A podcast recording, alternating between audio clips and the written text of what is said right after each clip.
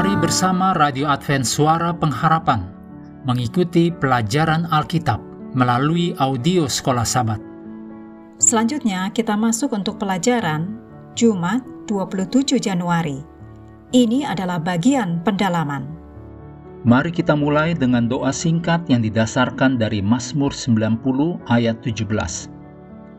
Kiranya kemurahan Tuhan, Allah kami, atas kami, dan teguhkanlah perbuatan tangan kami. Ya, perbuatan tangan kami. Teguhkanlah itu. Amin.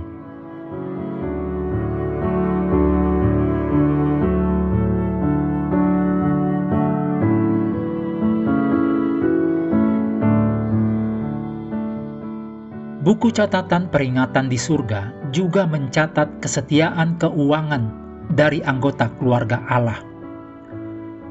Berikut ini kutipan dari buku Testimonies for the Church, jilid 2, halaman 518. Malaikat pencatat membuat catatan yang teliti untuk setiap persembahan yang didedikasikan untuk Allah dan yang dimasukkan dalam perbendaharaan dan juga hasil akhir dari cara itu diberikan. Mata Allah memperhatikan setiap rupiah yang diberikan untuk pekerjaannya dan kerelaan atau keengganan dari pemberinya. Motif dalam memberi juga dicatat.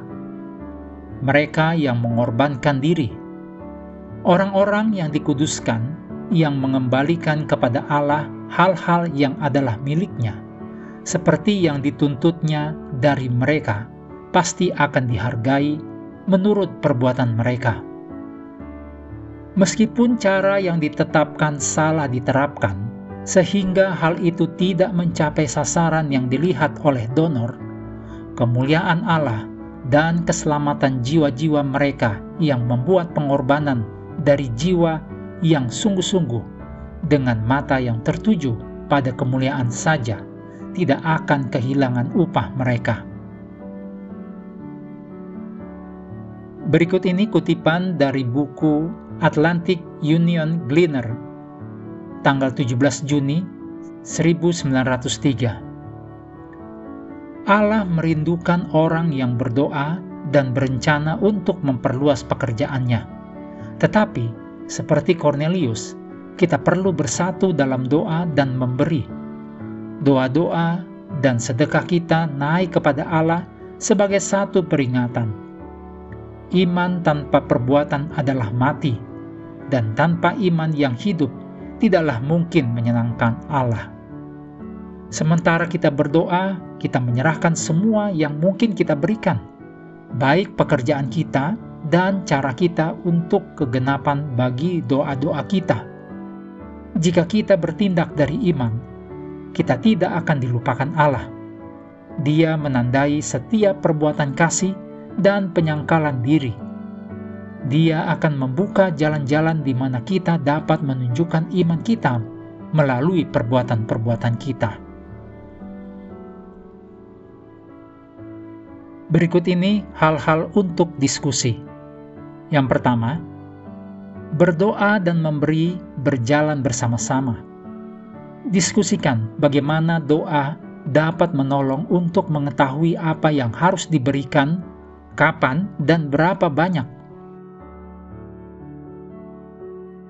Yang kedua, satu majalah yang sangat terkenal di Amerika Serikat menceritakan tentang para profesional muda di Wall Street yang mendapatkan begitu banyak uang, tetapi begitu menyedihkan, merasa kosong, dan penuh dengan kecemasan dan kekhawatiran.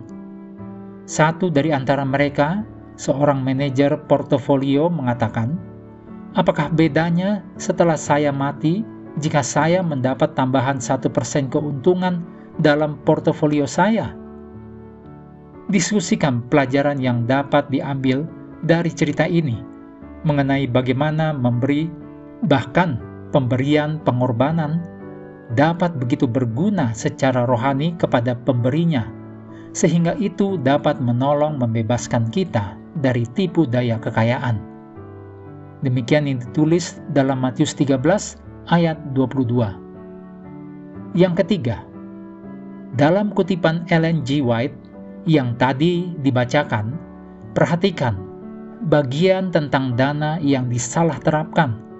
Penting bagi kita yang memberi untuk mengingat poin ini dalam pikiran.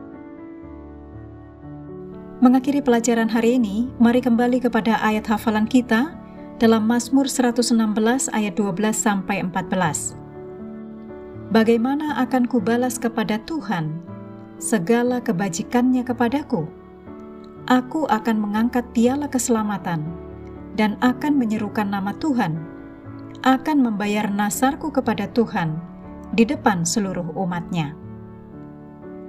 Kami terus mendorong Anda untuk mengambil waktu bersekutu dengan Tuhan setiap hari, bersama dengan seluruh anggota keluarga, baik melalui renungan harian, pelajaran sekolah sahabat, juga bacaan Alkitab sedunia percayalah kepada nabi-nabinya, yang untuk hari ini melanjutkan dari 2 Tawarif pasal 12.